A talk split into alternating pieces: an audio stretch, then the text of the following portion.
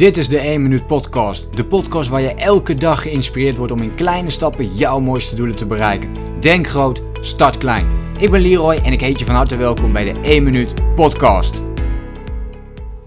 In deze podcast ga ik het weer met je hebben over het onderwerp time management. Je ziet wel dat dit, onderwerp regelmatig terugkomt, omdat ik continu de vraag krijg. Maar als je om je heen kijkt, zie je dat misschien ook wel dat we altijd um, het druk hebben. Je kunt nooit eens een keer naar een verjaardag gaan of ergens naartoe gaan en je vraagt: hey, hoe gaat het? Ja, gaat best wel goed, uh, maar ik heb het ook wel druk. Druk zijn is een beetje het, uh, het nieuwe ja, het nieuwe roken geworden, zou je ook al kunnen zeggen. Je zou eerst kunnen zeggen, zitten is een nieuw roken geworden. Maar druk zijn is toch ook zeker het nieuwe roken geworden. We moeten continu druk zijn met van alles en nog wat. Allerlei dingen doen uh, en ondernemen. Want anders ja, voelen we ons misschien niet echt belangrijk. Of dat we geen nuttige dingen doen. Terwijl dat als wij te druk zijn, juist uh, die belangrijke dingen opzij schuiven.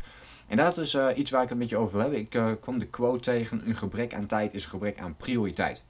En toen moest ik denken aan, hey, dat is mooi om een podcast over op te nemen. Tijd is namelijk prioriteit. Oké, dus dat is het allerbelangrijkste. Dus jouw tijd en hoe je dat indeelt, daar gaat het uiteindelijk om. En um, als jij een gebrek aan tijd hebt, dan heb je dus een gebrek aan prioriteit. Wat in feite betekent dat je of te veel dingen tegelijk wil doen, of te veel dingen in een te korte periode wil doen. Wat dus eigenlijk onmogelijk is. Dus eigenlijk zit je onrealistische doelen op dat moment. En of het kan zijn dat je van alles een prioriteit maakt. Dus je maakt alles even belangrijk. Ehm, en ook dat betekent dus dat je. Eh, dat is, dat is ook heel logisch dat als je dan ochtends opstaat. En je wilt bepaalde acties ondernemen, dat dat niet lukt. Omdat je geen prioriteit hebt gesteld. En dan ga je dus hele nadenken: oh, misschien ga ik dit doen, of misschien ga ik dit doen, of misschien ga ik dit doen. En het is allemaal even belangrijk, dus daar ga je niet uitkomen. Dus je zult prioriteiten daarin moeten aanbrengen van wat ga ik wel en wat ga ik niet doen. En ook bepalen dus welke dingen ga ik gewoon helemaal niet doen. Dus dat valt ook een beetje onder een stukje elimineren. Um, als ik ook kijk naar de taken die ik altijd onderneem, dan kijk ik altijd, oké, welke taken kan ik elimineren? Dus wat hoef ik helemaal niet meer te doen? Kan ik dingen helemaal gaan skippen? Uh, bijvoorbeeld in je bedrijf kan het zijn hè, dat je tien verschillende producten aanbiedt. Um, en waar je ook overal wat tijd in moet stoppen. Nou, dan ga je kijken van oké, welke producten wil ik door laten lopen. Dus welke draaien misschien goed, welke zijn het meest winstgevend. En dat je dan de focus gaat leggen op bijvoorbeeld drie producten in plaats van die tien.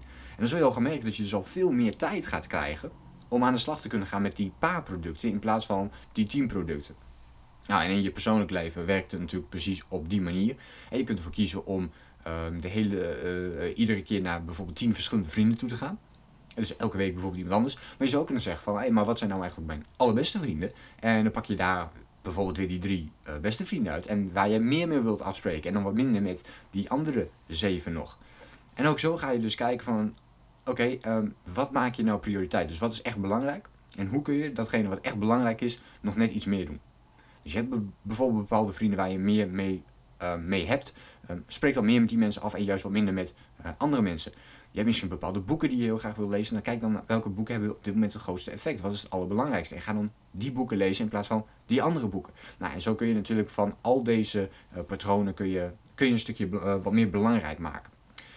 Goed, ik ben heel erg benieuwd hoe jij met jouw prioriteit omgaat en hoe jij met jouw tijd opgaat. Ik hoop dat je iets hebt aan deze tips en inzichten uit dit stukje. En dat het ook een wake-up call voor je is om goed te gaan kijken naar jouw eigen prioriteiten. als allereerste naar jouw eigen tijd. Dus hoe ziet jouw tijd op dit moment uit? En kan ik bepaalde dingen uh, verwijderen, dus elimineren, niet meer doen? Dus kan ik minder dingen doen, maar wel het belangrijkste blijven doen?